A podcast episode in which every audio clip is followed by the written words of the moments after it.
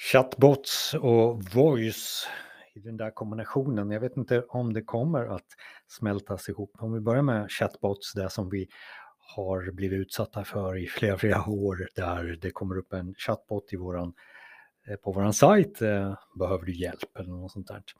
Eh, har de blivit bättre? Har de blivit sämre? Och kommer vi att integrera dem med våra voice-assistenter, våra röstassistenter som vi har från Google och Alexa. Det där är någonting jag funderar på om det inte är en tipping point nu, speciellt när Google gör det bättre och bättre när det gäller machine learning och AI när det gäller både tal och text. Sarkasm var det senaste jag såg eh, när det gäller eh, vårat tal och röstassistenterna. Men om vi tar de här chattbottarna till att börja med, de som vi skriver med, Eh, är vi inne där i en eh, fjärde, tredje, fjärde iterationen med att göra dem bättre. Vi kanske är fortfarande lite irriterade på att de inte svarar oss helt och hållet. Men det börjar bli bra så. Alltså när jag säger bra så är det att en del känner att wow, det här är en upplevelse eh, som eh, gör att jag verkligen får svar på mina frågor. Och om man ska mäta det här lite och titta lite bakom Eh, en chatbot om man har en sådan på sin sajt eller liknande. Då ska man nog titta på aktiviteten och titta på liksom hur många som går in och, och, och, jobbar med den. För det är då man kan göra det väldigt intressant när man har lite data runt omkring det. Titta lite på konversationernas längder, användningen, vilka timmar det används.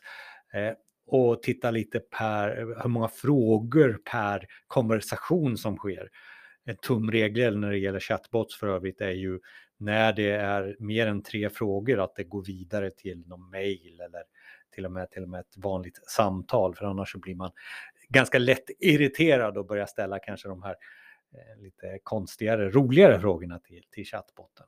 Men alla de här olika delarna gör ju att du kan bli mera datadriven för att göra chattbotten ännu bättre nu när tekniken börjar främja det. För det är väl där också vi ser framför oss. Allting är inte bara teknik, men det handlar om att försöka att få dem, den data man har i chattbotten idag, att jobba med tekniken på ett bättre sätt för att få den här self-service rate till exempel som kan vara den första delen man kan ha med som i sitt KPI eh, för att mäta en chatbots eh, eh, då fördelar och eh, succé i, i där i integrationen ligger.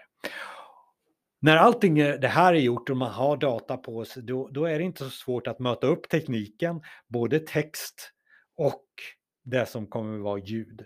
Vi har väl alla när, köpt in kanske, vi som är teknikintresserade, Google-assistenter eller Alexa som jag själv har hemma, Alexa. Jag har valt Amazons ekosystem och jag vet inte om det var ett bra val eller inte.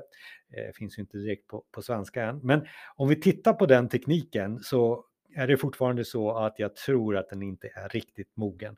Jag hade en positiv syn på den men har väl landat i att det enda jag gör hemma i alla fall när jag pratar med min Alexa, det är att eh, den spelar musik. Den får mig att Eh, beställa den musik som jag vill höra.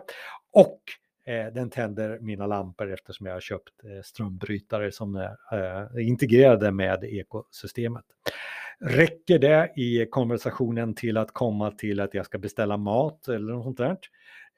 Utföra ännu mer vardagliga saker tillsammans med Alexa? Nej, inte riktigt, riktigt än. Men att äga ett ord som betyder någonting för en konsuments vardag. Till exempel att säga till Alexa, eh, jag vill ha en hamburgare eh, och så ska den komma till, levereras till, till din dörr.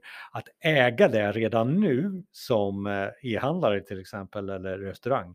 Att fundera lite på vilka ord du kan äga eh, i en röstassistent. Det är någonting som jag funderar på om inte det är vårt nästa steg. Men vi väntar kanske både när det gäller textchattbottar och de chattbottarna som vi får kalla det det är när det handlar om röstassistenter. Vi väntar väl fortfarande på att det ska bli det här talet. Det här talet som ni hör mig prata idag, eh, det vill man ju att den ska förstå. Vi är nästan där när det gäller eh, textöversättning från ljud till text, alltså eh, få ett ljud eh, där jag talar till, till text.